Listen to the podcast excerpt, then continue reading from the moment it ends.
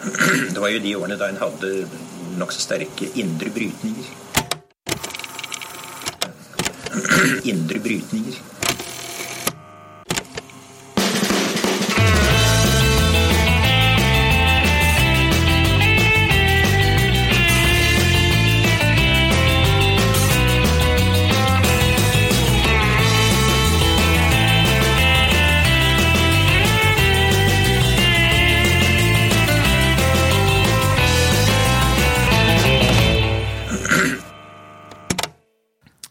Velkommen tilbake til Noen har snakket sammen. Mitt navn er Tiril Halvorsen.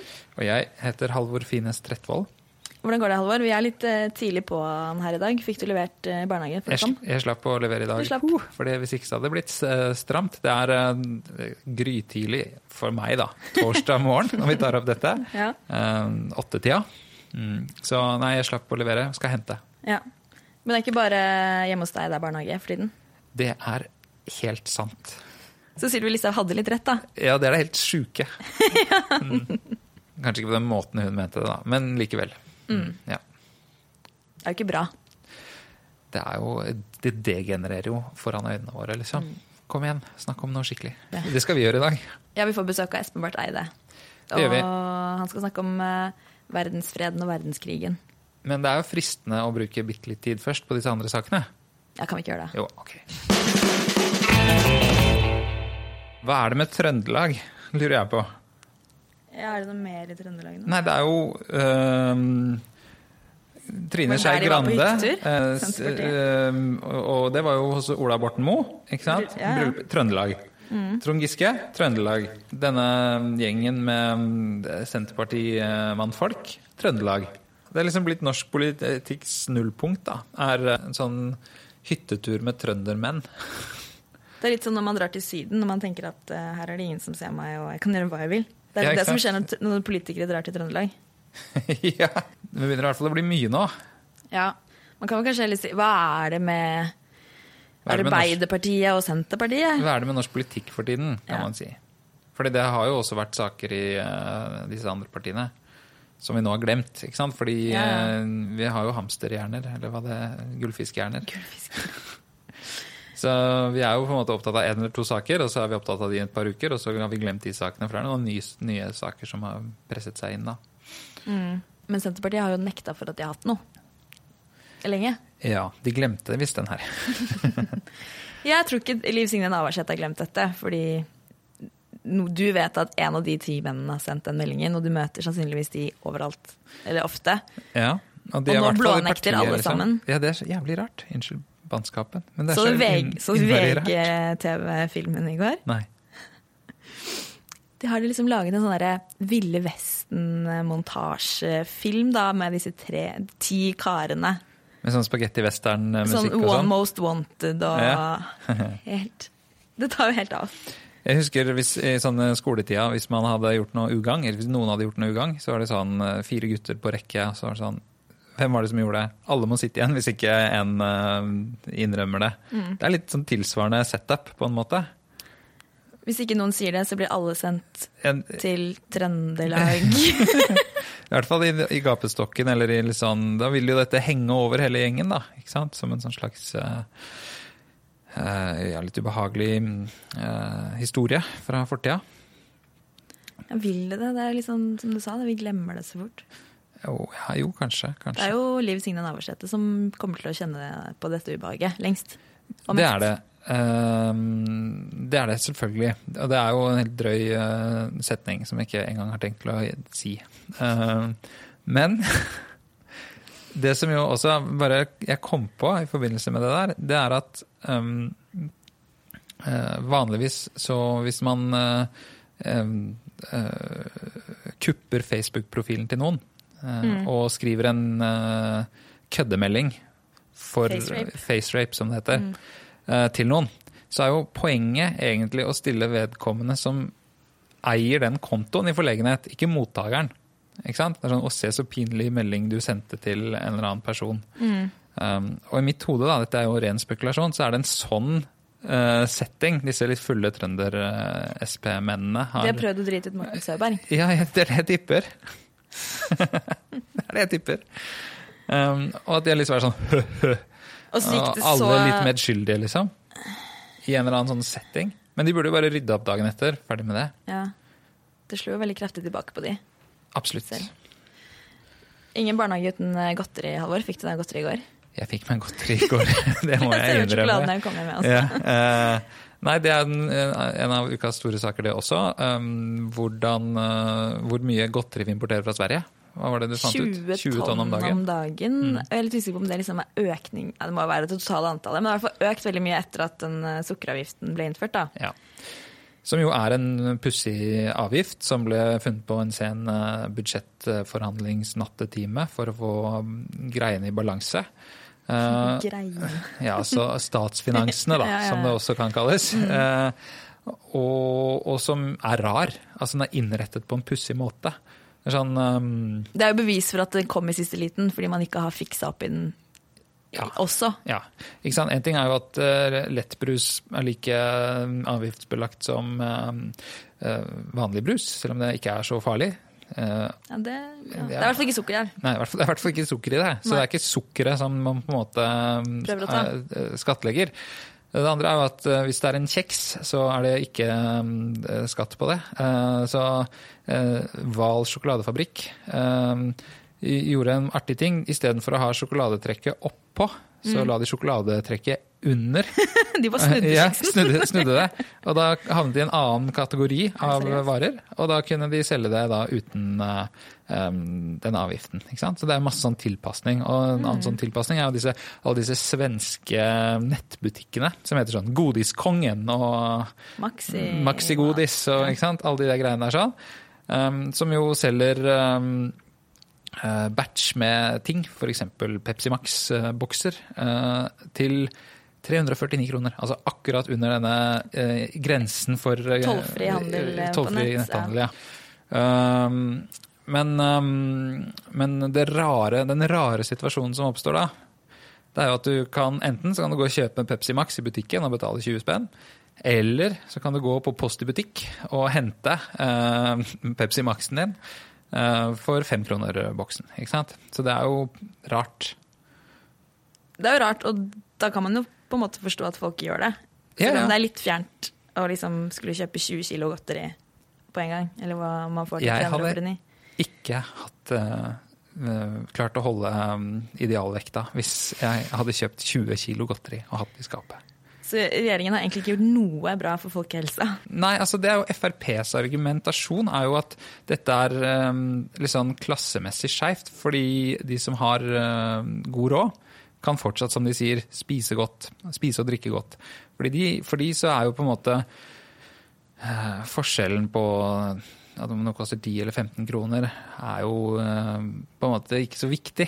Ikke sant? Man skal kose seg litt, så om, om det koster eh, fem kroner mer eller ti Ja. kroner mer, så, Men det så burde jo kjære Frp tenkt på litt før.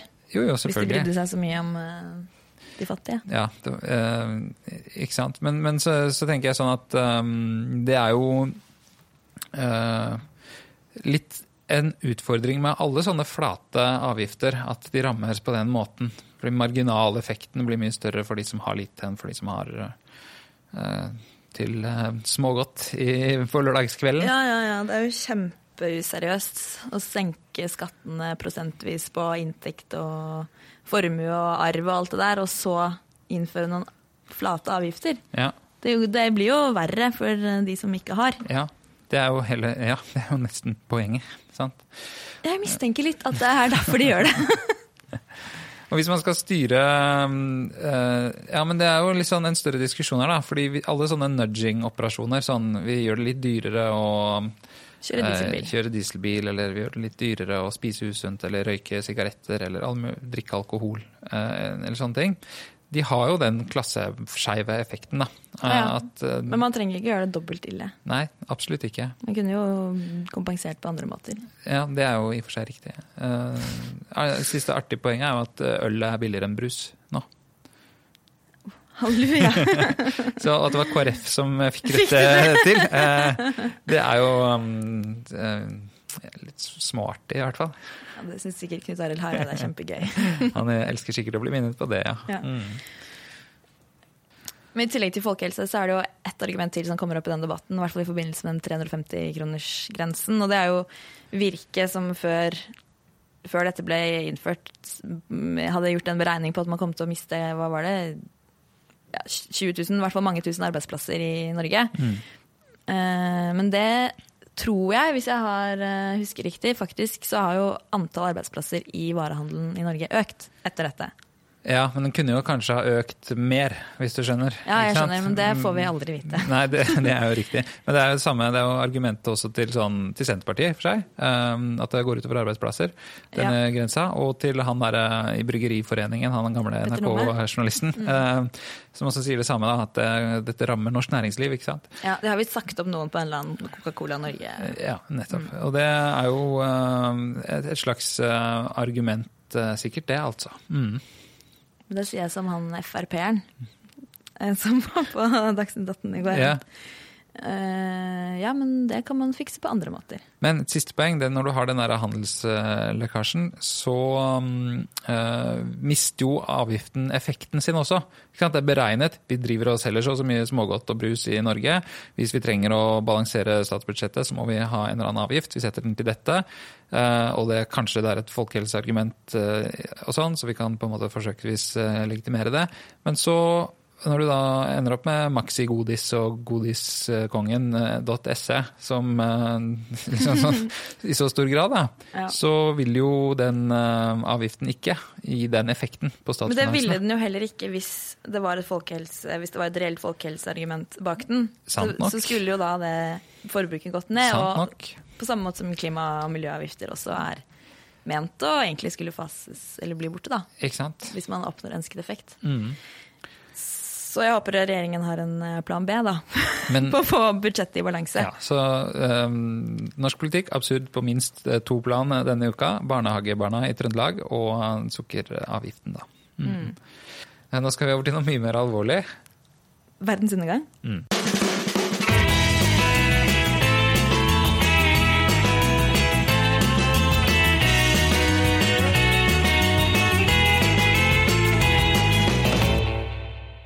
Velkommen til oss, eh, Espen Barth Eide. Tusen takk for det. Mm, tidligere forsvarsminister, tidligere utenriksminister, nå stortingsrepresentant. Er det artig på Stortinget?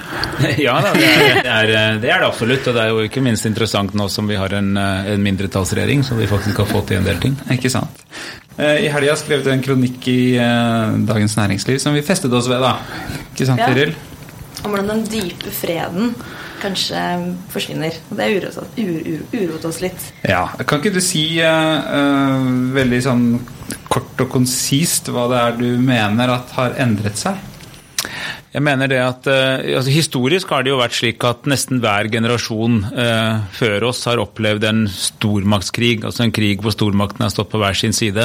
Og da, eh, Etter andre verdenskrig så gikk vi først inn i en periode med kald krig, som kjent, hvor det var mye vold og uro rundt omkring i verden, men hvor, hvor stormaktene unngikk å være i direkte konfrontasjon. Så de drev en konkurranse, strategisk konkurranse på en måte langt vekk fra systemets sentrum, som da var med Europa, Sovjetunionen, USA. Eh, og så tok den kalde krigen slutt, eh, og mange trodde at det var kommet en ny verdensorden, eh, en slags lys fremtid hvor, hvor det liberale markedsøkonomi, demokrati, hadde vunnet, og at de, den opp oppblomstringen av kriger og konflikter vi så nærmest var et overgangsfenomen før alt var på plass. Og så sier jeg at Det som nå har skjedd, er at eh, vi lever igjen i en tid med strategisk konkurranse mellom sterke stormakter som står på mange måter på hver sin side. USA og Kina er kanskje det fremste eksempelet, men også Russland og Vesten. Eh, og Det gjør at vi i hvert fall ikke kan legge til grunn som sikkert at vi fortsatt vil leve i det vi kan kalle dyp fred i vår del av verden. Og Det tror jeg det er viktig å ta inn over seg. Og Det har vi ikke minst sett de siste ukene. Både på det retoriske, men også med raketter og missiler i Syria. Ikke sant? Og før det dette giftgassangrepet som utløste den siste runden der. Um, har vi grunn til å være litt sånn urolige, tenker du? Ja, så Syria er et interessant eksempel. fordi Man kan si at Syria på en måte begynte som en slags eh, borgerkrig, dog med en del internasjonale overtoner, men ble, eh, vokste etter hvert inn i en regional konflikt. og I dag er det ikke minst en, et regionalt opp oppgjør mellom på den ene siden Iran og Syria og på den andre siden Saudi-Arabia, en del av Gulfstaten, og så spiller Tyrkia en slags tredje rolle. Men mer og mer nå så ser vi at dette også har fått en overtone av et oppgjør mellom Russland og USA, eller Russland og Vesten. Og at dette er et område Russland, som Russland bruker til å vise sin fortsatte stormaktstatus. Og hvor eh, Vesten egentlig har strevd med eh, å være i en slags frenemy-situasjon med Russland. En frenemy, altså kombinasjon av eh, fiende og venn. Eh, hvor man på den ene siden har stått sammen i kampen mot eh, IS, eller ISIS, islamske stat, Daesh, men på den andre siden har vært veldig uenig om hva som skal skje med Syria etterpå og Assads fremtid. Og nå som, nå som IS i stor grad er nøytralisert, eller i hvert fall mye mindre viktig, så kommer vi på en måte tilbake til oppgjøret om Syrias mer geopolitiske fremtid. og det er altså bare å konstatere at uh, i motsetning til uh, alle konfliktene under den kalde krigen, så er nå Russland og USA direkte involvert på samme slagmark. Det er nytt, og det bekymrer meg. Er det fordi det da kan gå fra denne litt sånn proxy, at man møtes i et tredjeland, at man kanskje eventuelt hvis man skal dra det litt for langt, kanskje, da, men at man da møtes direkte i USA? Altså, det er jo på en måte den eh, eksistensielle bekymringen. Jeg tror jo ikke det er verken umiddelbart forestående eller veldig sannsynlig. Eh, men det er sannsynlig nok til at vi skal uroe oss over det. Og huske på at dette kommer jo på toppen av det som har skjedd i, i Ukraina og annekteringen av Krim og uenigheten om det. Det kommer på toppen av det vi hadde for noen år før, altså Georgia-krigen. Og det kommer på toppen av eh, sterke mistanker om russisk innblanding både i det amerikanske valget, nærmest for å hindre Clinton å bli valgt, og dette giftangrepet i, Storbritannia. Så det er på en måte et globalt bilde som bærer preg av en mye skarpere og mye mer krevende situasjon mellom stormaktene enn det vi har vært vant til. Jeg prøver å sammenligne det med 90-tallet, som mange fortsatt husker som relativt ferskt. Eh, det var jo det var fullt av kriger og konflikter. Vi hadde folkemord i Rwanda, vi hadde oppløsning i Jugoslavia. Det var ikke noe fredelig tid. sånn sett. det var fæle greier. på mange fæle greier, og mm. masse, millioner av mennesker ble, ble drept. Men som hovedregel var det sånn at uh, stormaktene ikke, var ikke direkte uenig. Altså, det, det var, var f.eks. slik i la oss si Vest-Afrika, hvor det var flere kriger etter hverandre. Så var kanskje én stormakt, kanskje Storbritannia, interessert i å gå inn og bidra til å finne en løsning. Og de andre stormaktene sa at vi er ikke så interessert, men liksom vel bekomme. Det er greit for oss. Uh, kjør på. Uh, vi kan gi mandat, og det er fint at noen gjør det, men vi er ikke så interessert. Når du, når du ser da flytt, spole fram til Syria, så er det jo slik at sikkerhet Sikkerhetsrådet blir jo lammet av at eh, stormaktene ønsker helt ulike utfall. Så det er veldig lite de da er enige om. Eh, og det er, viser hvordan disse mer sånn lokale konfliktene, som egentlig alltid har vært der, er farligere nå enn de var for f.eks. 20 år siden. Hvorfor har det blitt uh, sånn, da? Du skriver jo den påståtte slutten på historien. Ja, altså Francis Fukuyama, eh, en amerikansk eh, forsker og tidligere toppbyråkrat, som skrev eh, først en artikkel som het The End of History, og så mm. den ble så populær at han skrev den en gang til som bok, og det het The End of History and Last Man. Hans argument på, tidlig på 90-tallet var at han var inspirert av Hegel, og så sa han at liksom, den store dragkampen mellom systemene var nå over fordi Vesten vant, og, og historiens slutt betød altså ikke at, ikke skulle, altså menneskenes liv på jorden var over. Det var mer en slags optimistisk idé om at liksom, nå var de store spørsmålene løst.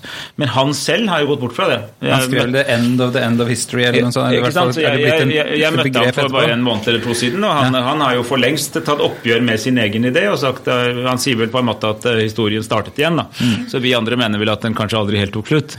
Eh, men, men, men uansett, altså den ideen om denne Vestens triumf var egentlig en refleksjon av en helt spesiell konstellasjon av makt, der eh, USA, Europa, de vestlige maktene både økonomisk, politisk, militært og ideologisk sto nærmest uten utfordrere, og hvor, vi, hvor det så ut som Russland under Jeltsin så ut som et slags vennligsinnet kaosland som var på vei til et vestlig land. litt sånn, De er som oss, bare 15 år bak. Eh, det viste seg å være feil.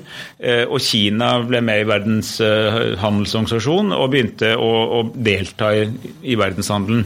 Og det er jo, så Da så man det nærmest et, som et bevis på at den den globaliseringen i anførselstegn som hadde skjedd mer sånn internt i Vesten, ble nå en faktisk global globalisering. Og det var, og, og det var en tid hvor mange trodde at uh, dette var kommet for å bli, men nå er det altså ikke lenger åpenbart at det er sånn. Men er det jeg tenker noen ganger, Har Vesten på en måte spilt kortene sine feil, da? Kanskje med tanke på Russland? Eh, når Ja. Var i, i EU og snakket på tysk, og så har det liksom Siden da har det jo ikke akkurat blitt noe vennligere forhold. Nei, altså, eh, det er, så, det er jeg enig i. Har, det er mye å si om Russland også, men det er klart at Russland forsøkte da, altså Først så hadde du Jeltsin-årene, som mange russere opplevde som veldig kaotiske og, og litt skremmende. Eh, og så kom Putin inn og, og, seilte også på en bølge av stigende oljepriser, og han liksom gjeninnførte en slags orden, men en autoritær orden da, i, i, i, Russland. Men samtidig så strakk han jo ut en hånd til Vesten og inviterte til et slags partnerskap, altså store stater imellom. Eh, husker veldig, eh, jeg husker veldig sterkt eh, eh altså Rett etter eh, 11.9.2000 2001, så, så, var vel den aller første statslederen på TV eh, var altså Putin i, i svart dress foran, foran, et russisk flagg, eh, som står og sier at vi russere vet hva terrorisme er, nå står vi sammen med amerikanerne i denne vanskelige stunden. Og det var også en rekke andre utspill på at de ønsket et slags partnerskap, men dog med respekt for hvem som hadde ansvar for hvilken del av verden. Daværende administrasjonen i USA avfeide det som irrelevant. Eh, Jeg hadde i den tiden, Da var jeg statssekretær i, Stoltenberg I-regjeringen i UD, og da hadde jeg et møte med en som het Richard Pearl, som var en av arkitektene blant ny, nykonservative bølgene bølgen under eh, Bush sin tidlige administrasjon. Og han sa liksom det at, og da tok jeg opp med han at um, amerikanerne var interessert i å, å, å kansellere den såkalte ABM-avtalen, altså avtalen mot sånn antibilistiske missiler som var en viktig del av, av terrorbalansen. Så sa jeg ok, dere ønsker det, men hva med å liksom, reise til Moskva og få dem med på det? Så kan man si at vi, de gamle fiendene fra den kalde krigen, har nå blitt venner, dette gjør vi i fellesskap. Og så sier da Pearl tilbake at ja, jeg skjønner argumentet, men, men da vil vi gi dem for mye anerkjennelse, og det gidder vi ikke. Fordi vi, vi lever nå i en ny tid hvor USA bestemmer, og vi spør ikke noen om råd. Og den tonen har nok bidratt til en, en, trend som muligens hadde kommet, i alle fall, men det har i hvert fall forsterket en trend i retning av at Russland følte at de ikke ble hørt. Og så, en del år etterpå, så var jeg på den årlige München-konferansen i 2007 og hørte Putins berømte tale, hvor budskapet hans var dere, for det er mange, det er jo stort sett en vestlig konferanse, dere misbrukte vår svakhet da vi var svake. Nå er vi ikke svake lenger. Nå må dere skjønne at njet betyr njet. Og det var altså ett år før Georgia-krigen.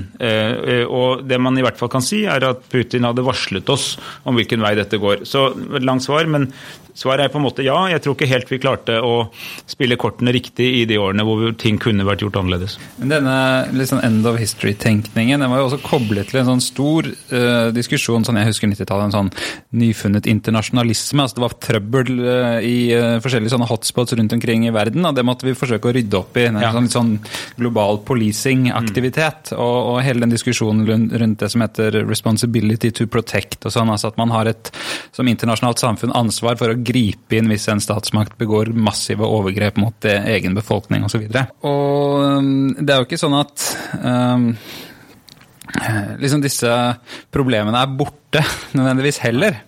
Vi har jo fortsatt uh, failed states-problematikk også i denne nye tiden. Mm. Uh, det er vel ikke sånn at vi uh, på en måte kan si det er vi nå ferdig med. Nå er det tilbake i, i stormaktsgamet, liksom. Det er jo på en måte sånn at disse to tingene legger seg oppå hverandre. Helt riktig, det er jeg helt enig i. Og det som, det som er ikke sant, da, da vi gikk fra kald krig. Jeg skriver i denne kronikken det begynte med at vi som er noen og 50, vi har levd halve livet vårt under kalde krigen, halve livet etterpå.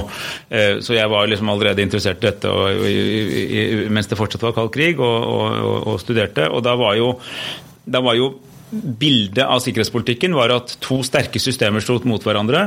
Det kunne gå riktig galt, men det var egentlig bare én ting som kunne gå galt, nemlig at den globale orden brøt sammen. Så det beste vi kunne håpe på, var at den holdt seg. De lokale konfliktene man da hadde, ble tolket inn i et kaldkrigsbilde. Det som egentlig var sosiale opprør i Latin-Amerika, som hadde helt lokale årsaker, ble på en måte sugd inn i øst-vest-konflikten. og Noen allierte seg med Moskva, noen med, med, USA. på en måte.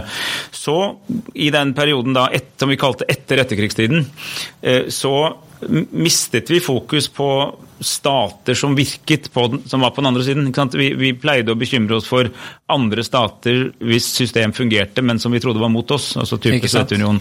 Eh, og så ble vi bekymret for stater i oppløsning. Fail states, eh, Afghanistan, eh, Somalia eh, osv. Og, eh, og tenkte at dagens trusler kommer ikke fra sterke stater, men fra svake stater. Nå lever vi i en tid hvor begge deler er riktig samtidig. Fordi hele det settet av såkalt nye trusler, som har vært egentlig de samme nye truslene nå i 20-25 år, de er jo ikke borte. Altså, Svake stater er der fortsatt. Men så har du en, en sånn tilbakekomst av geopolitisk konkurranse samtidig.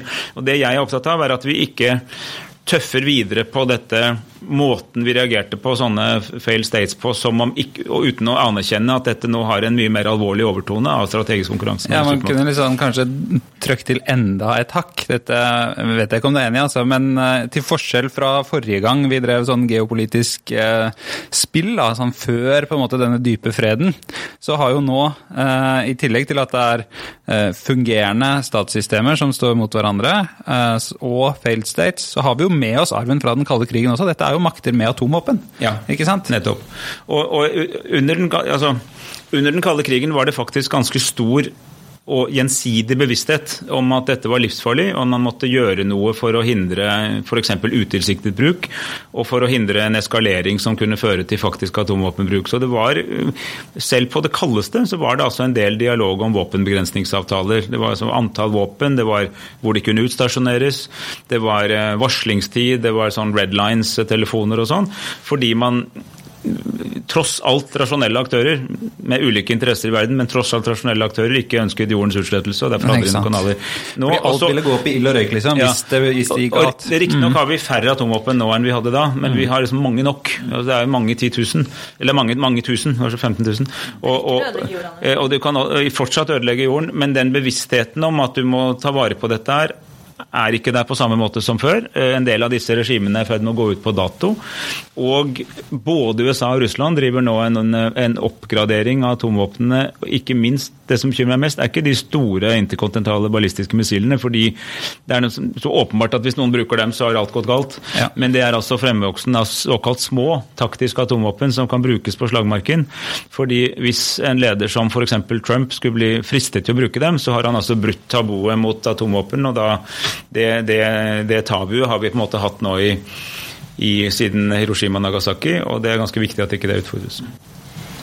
Men i det vi da, i dag kanskje kan kalle det nye, gamle spillet, da, mm. er reglene også i ferd med å endres? Vi har jo da folkerett, Sikkerhetsrådet som har landet jeg mener at dette, altså, Det er jo i en sånn tid det er spesielt viktig å ta folkeretten på alvor. Eh, jeg, jeg var, altså På slutten av 90-tallet, da det bygget opp til Kosovo-konflikt og 99, så var jeg blant kritikerne jeg var jo klart mindretall, men det var blant kritikerne av at man altså Selv om formålet var åpenbart godt, så mener jeg at det at man erklærte at det var liksom lov å gripe inn i en intern konflikt i et land, var problematisk pga. mulige langtidsvirkninger. Eh, og, og Da var Vesten på topp, det var ingen reell utfordrer. Eh, det de, de, de var et sjokk for f.eks. Russland at man gjorde det. Senere har man jo sett at Russland også har relativisert vekten på folkeretten. Og det, igjen, det kunne være de hadde gjort iallfall, men man har på en måte gitt et argument. Da, for, eh, og Derfor bekymrer det meg når man fortsatt nå sier at uh, dette er ikke så veldig klare regler og sånn. For reglene i folkeretten er egentlig ganske klare, og de er laget for liksom en regnfull dag. De er ikke laget bare for, for solskinn.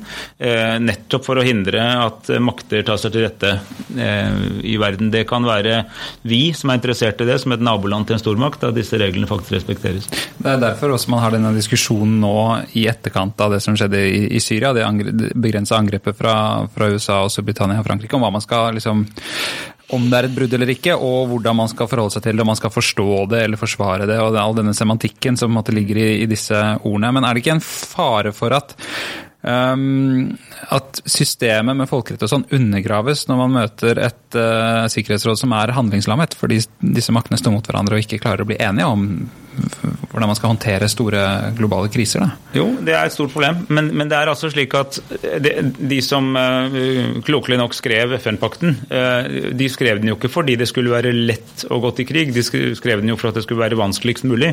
Og den krigen man ønsket å hindre, var en ny krig mellom stater. Det har man faktisk i stor grad lyktes med.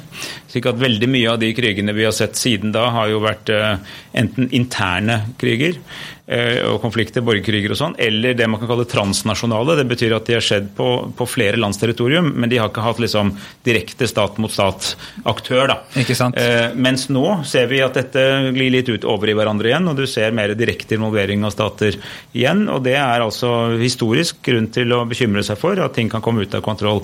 Ingen, jeg kan ikke, tror ikke noen noe sted i verden ønsker en ny stormaktskrig. Eh, men, men det gjorde de heller ikke før første verdenskrig. Nei, Du skriver jo om det i kronikken din, om hvordan man allerede, eller så sent som i 1910, eh, skrev at nå var den tekniske utviklingen kommet så langt at, eh, at uh, kunne ikke tenke seg en stormaktskrig fordi konsekvensene ville bli så store. Og så gikk det et par år, da, så, eller fire år for å være nøyaktig. Ja. og så...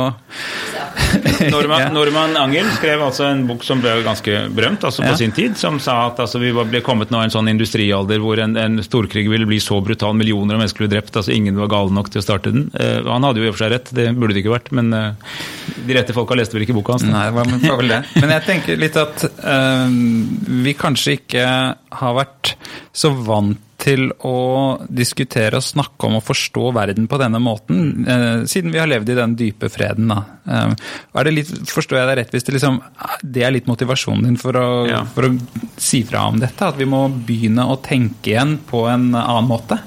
Ja, altså jeg, jeg, fordi at jeg, jeg tenker at veldig mange altså, mange både beslutningstagere og kommentatorer, folk som opererer nå, har først og fremst en erfaring fra denne etterkrigs, etter etterkrigstiden med altså, instinkter som uh, responsibility to protect og, uh, og sånn, og har egentlig vokst opp med at, at Vesten er egentlig om, omnipotent, men litt klønete. Altså, vi kunne løst alt, vi er bare ikke så veldig gode på det. Vi kan bli bedre på det, så studerer man og prøver å finne ut hvordan man kan bli bedre på det.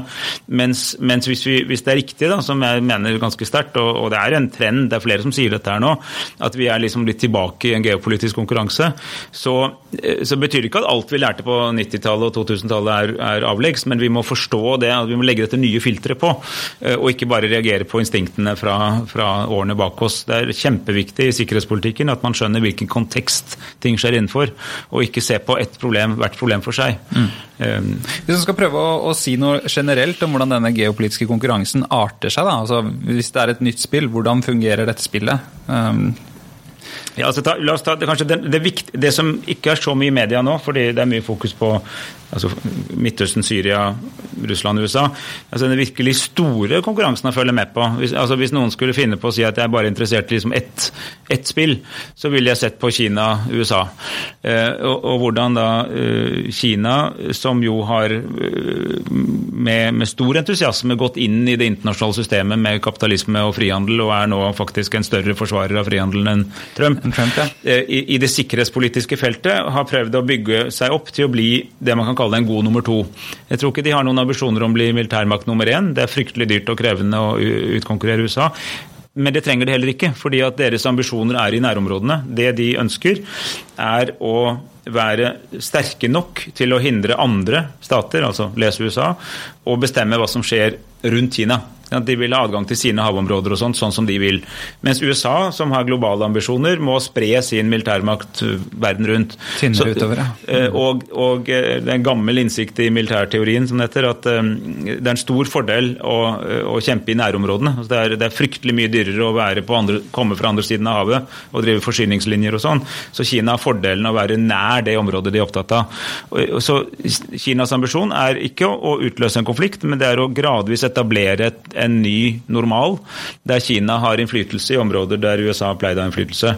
Og da har vi det som i, statsvitenskapen kalles Tukidids eh, felle, fordi historikeren okay. Tukidid eh, skrev en berømt bok om, eh, altså om krig, Han var atener og skrev om krigene mellom Sparta og Aten, og hvordan en fremvoksende stormakt utfordret innflytelsen til en eh, etablert stormakt, og hvordan det med naturnødvendighet førte til konflikt.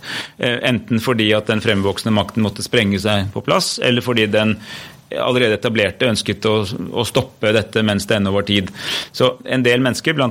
en amerikansk professor som heter Graham Allison, skriver om Tukudids felle som det drama som Kina og USA kommer til å gå inn i nå i det 21. århundre. Og han sier at det ikke nødvendigvis ender opp med krig, men at hvis man ikke viser klokskap og forstår dilemma, så kan dette gå riktig galt. Det mener jeg kanskje er nesten enda større enn det, mer, det som vi er mer kjent med, altså øst-vest-spillet i, i Europa.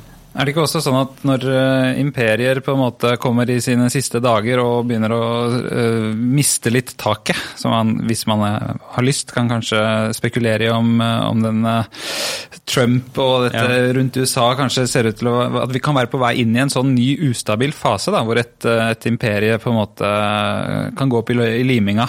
Det er jo historisk perioder med mye konflikt. Ja, altså altså USA, har jo, altså USA er jo fortsatt verdens fremste stormakt. Eh, men eh, den relative eh, styrken er kraftig redusert pga. andre staters fremvekst. Og ikke minst Obama forholdt seg til det ved å erkjenne at det var sånn. Si at nettopp da så trenger du også et USA som er tungt til stede i multilaterale organisasjoner. som er altså det, det, lureste man kan gjøre da, er å bygge normer og regimer og systemer som gjør at de tingene man er opptatt av, varer, og at andre kan hjelpe til å opprettholde det systemet vi har skapt. Fordi sant, på, Fra 50-tallet og fremover så kunne USA i stor grad definere dette systemet selv. Mens Trump og hans folk er jo mer der at eh, det, vi har ikke et sånt globalt ansvar, vi har bare et ansvar for våre egne interesser. Vi har, vi, har, vi har, globale interesser, men de amerikanske interesser de er på en måte ikke verdensinteresser. Og det, det, det gjør at uh, vi kan få et USA som er, snakker høyere, men egentlig får til mindre.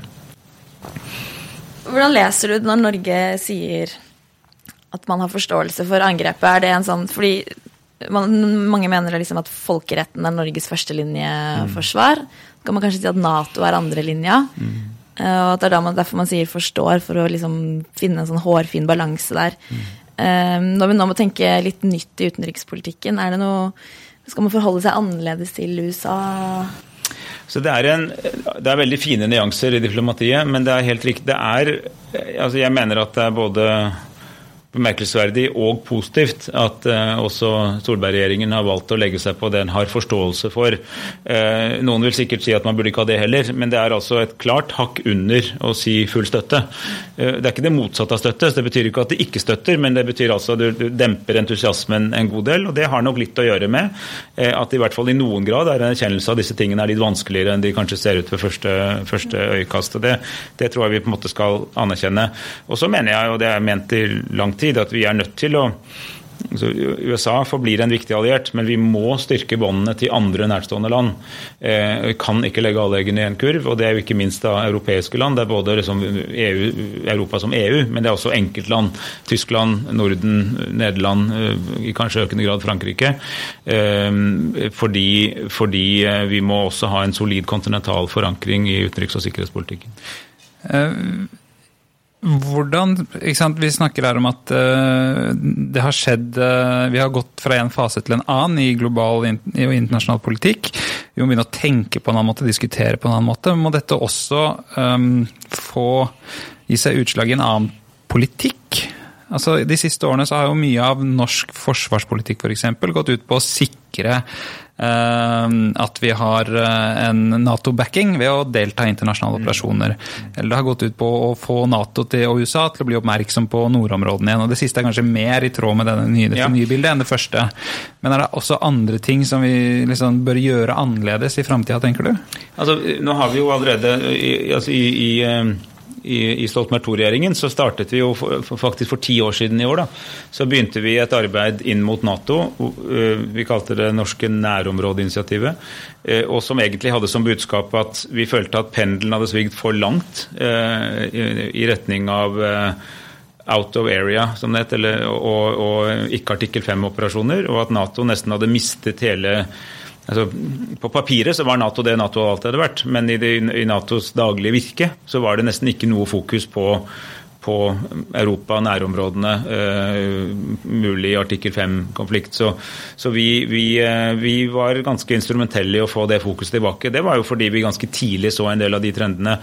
Jeg, jeg husker ganske sterkt at det var ganske interessant at f.eks. Storbritannia på det tidspunkt hadde et veldig annet syn. De mente uh, med ettertrykk at liksom, sikkerhetspolitikken den foregår i Helmand i Sør-Afghanistan. Og alle som ikke var i Helmand, var liksom ikke ordentlig med. Uh, og, da, uh, og vi laget en langtidsplan i 2008. Det, det gjorde også britene. I vår langtidsplan sto det at krig i Europa kan ikke utelukkes. I den britiske sto det omtrent at jo, det er eller kan det. Altså, det er, krig mellom stater foregår ikke lenger, nå er det nye trusler og sånn. De tok feil, og vi hadde rett. Uh, senere har britene kommet på bedre tanker, de òg. Men, men, men, men, det var interessant at stormakten Storbritannia med sin mye større erfaring for å delta i stormaktsoppgjør, hadde fått for seg selv der at, eh, at, denne nye tiden hadde satt seg, slik at nå var det altså å sende spesialstyrker til Hellmann som det dreide seg om, og det var sikkerhetspolitisk fokus. Og det var det, ikke sant, jeg skriver i kronikken, altså Sikkerhetspolitikkens adresse i våre hoder flyttet seg fra Checkpoint Charlie i Berlin, altså liksom episenteret for SS-konflikten, til liksom Meymaneh i Afghanistan. Og, jeg mener det var riktig å være i Afghanistan, men, men, men den, den, enorme vekten som ble lagt på det, var eh, problematisk. Hvor har det flyttet seg nå, da? Det nye nå, nå er det jo altså, Point zero, liksom? Ja, hvis, det, hvis, du ser globalt på det, så er det i Sør-Kina-havet. Spratly Islands. Ja, rundt der et sted. Ja. Eh, hvis du ser mer nærmere oss, så er det vel eh, en konkurranse mellom eh, Ukraina og, og Syria. Mm. Mm. Men, eh, men, men, med den forskjellen at det, det, Jeg sier det, av det, i det bildet at det er oppgjør mellom stormakter. Dette er ikke, liksom, det er ikke sammenbrudd av stater. For nå er sammen, statssammenbruddet eller manglende evne til å styre er mer enn nå blitt det som skaper et teater. Og en, en kjent ting i sikkerhetspolitikken er at eh, altså Problemer oppstår gjerne i uklare og omstridte områder. Altså det, er, altså det, det, er ingen, det blir ikke konflikt på grense Jakobselv. Fordi russerne vet at vi er med i Nato, vi vet hvor Russland går. Så, så det, er, det, er, stabilt, det er stabilt forutsigbart. Mm. Vi mm. har liksom måter å kommunisere og sånn. Men det er liksom når det er liksom, Hvor hører Georgia hjemme? Er det Georgia så er det vei mot Vesten? Er Ukraina på vei inn i, i Nato? Eh, er, Hva, hvilken vei går Syria i lange løp? Det er disse her, uh, udefinerte områdene som er i spill, som tiltrekker seg oppmerksomhet. Dette beltet i Sentral-Europa fra, fra, nord til sør på en måte har jo skiftet historisk fram og tilbake Absolutt. mellom vestlig og, og, og russisk innflytelsessfære. Ja, og, og, um, og, så er det jo en, en ting til oppi alt dette, og det er at i, i, um, jeg tror litt av det bildet mange her hjemme i Norge f.eks. har av hva en krig er. altså En krig har en begynnelse og en slutt. Og fortellingen, altså Andre verdenskrig var en grusom og brutal konflikt på alle mulige måter, men den hadde det ved seg at vi visste når den kom til Norge. Den kom i morgentimene 9.4.1940 eh, og, og til Europa i begynnelsen av september året før. Og så sluttet den på 8. mai. Og når det begynte å skyte på Skarsborg til hjemmefronten overtok på Akershus. Veldig klart. altså Dagen etter, eller timen etter så var det på en måte fred. Tyskerne overga seg og reiste hjem. Sånn er det ikke lenger. altså Nå vet man ikke helt noen krigerstater. Du vet ikke helt når de slutter, eller om de er slutt. Og så har vi jo fått dette cyberdomenet eh, som gjør at i tillegg til uh, altså, Det er hacking og sånt, bare så folk ja, ikke, ikke, jo, ikke faller fra? Tradisjonelt så har man mm. først så kjempet man krig enten til lands eller til vanns. Senere, liksom 120 år siden kanskje, kom også luftdomenet, med, ikke sant? og så etter hvert med rom. Nå har du også eh, data, cyber. Og, og, det som er forskjellig med det, er at alle stater egentlig alltid er under angrep. Ja. Eh, mens du tidligere var du liksom, du var i fred inntil angrepet Inntil noen hadde løsnet et skudd, så var det på en måte freden der. Nå er det en konstant forsøk på inntrenging og tyveri og manipulering og sånne ting av data. Og Det gjør altså igjen at det er også et nytt potensial for eskalering, fordi dette kan også føre til Altså du kan gjennom rene dataangrep eller cyberangrep fører til fysisk skade. Altså Du kan drepe folk, ødelegge ting, eh, lamme kritisk infrastruktur uten å sende en eneste soldat over grensen. Og Det skaper da dilemma for beslutningstakere. Altså Hvis dette angrepet er massivt, har vi da rett til respons? Vi, må vi nøye oss med å respondere gjennom et motangrep i cyber, eller kan vi gjøre andre ting? Sånn? Jeg bare tenker, jeg leser den eh, Erika Fatland-boka 'Grensen', hvor hun ja. reiser fra grensen, den russiske grensen fra Kina og opp til Kirkenes. Eh, hvordan eh, nærheten til en stormakt har påvirket alle de landene og folkegruppene som er langt der. Og det er bare en lang og brokete mm. historie som viser veldig tydelig hvordan liksom stormakt og innflytelse i nærområdene faktisk Det har alltid vært eh, viktig da, og ja. betydd masse for for verden. Og, vi, og, jeg, og vi, i det bildet der, som jeg er helt enig i, så kan du jo si at Norge har kanskje en av de eh, altså Historisk hatt et av de beste naboforholdene til Russland. Hvis du Eneste landet som grenser til Russland som de ikke har kriga i, eller noe sånt. Tror jeg Ja, ikke sant? Og, og, og den har vært uh, avklart lenge. Og, og, man har, og, Norge hadde utviklet under den kalde krigen en, eh, en slags doktrine om avskrekking og beroligelse, som sa sant, forsvaret i nord, Nato-medlemskap, skulle si hvor vi hørte hjemme, hvor skapet skal stå. Men beroligelse var altså ikke atomvåpen på norsk jord i fredsjord, det var geografiske begrensninger på utenlandske styrker og sånt. Og en konstant dialog også under den kalde krigens kaldeste tid for å sørge for at det ikke oppsto misforståelser i våre nærområder. Og, og, og de to tingene fungerte bare sammen. Altså Hadde man bare gjort det siste, så kan, kanskje det ville virket svakt.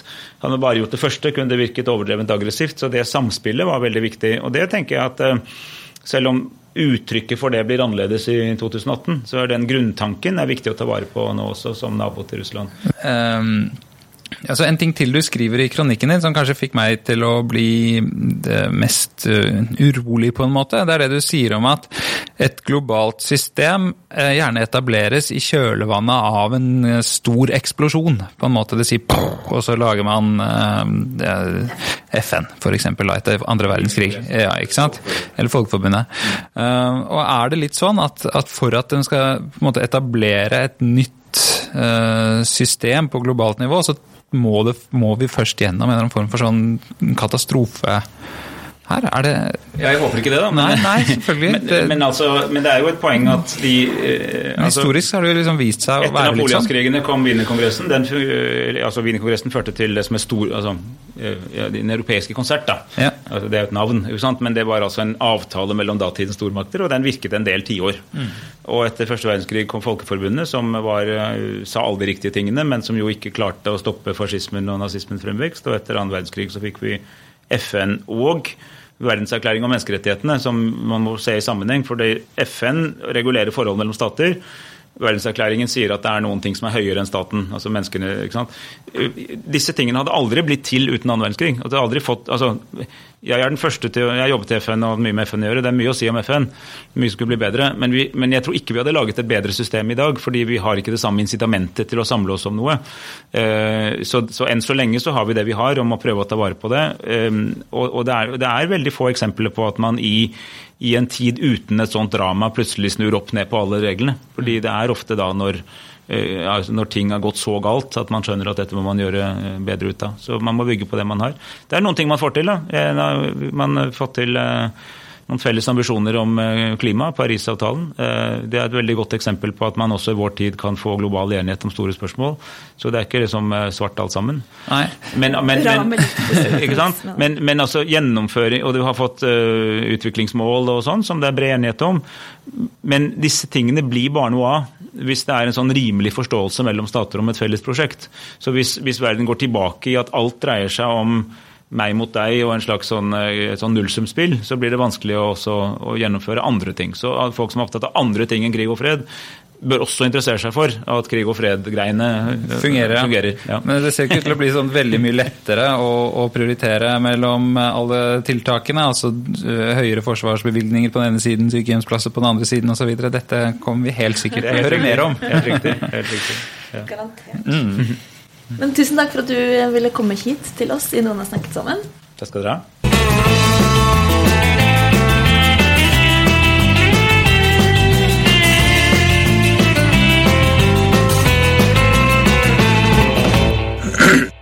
Nye Checkpoint Charlie er i Sør-Kinahavet. Du skal Han- dit. Ja, ikke til Sør-Kinahavet, men til Kina i hvert fall. Ja. Jeg, må, jeg skal jo det. Mm. Vi skal skal faktisk flytte.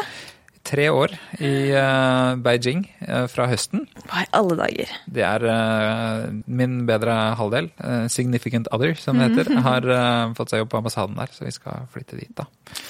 Shit. Det er litt shit, pommes frites, gøy og et eventyr og uh, som vi forstår, farlig. Nei da, det, det kommer det ikke til å Ja, men du kommer til å få en sånn men- digital mappe.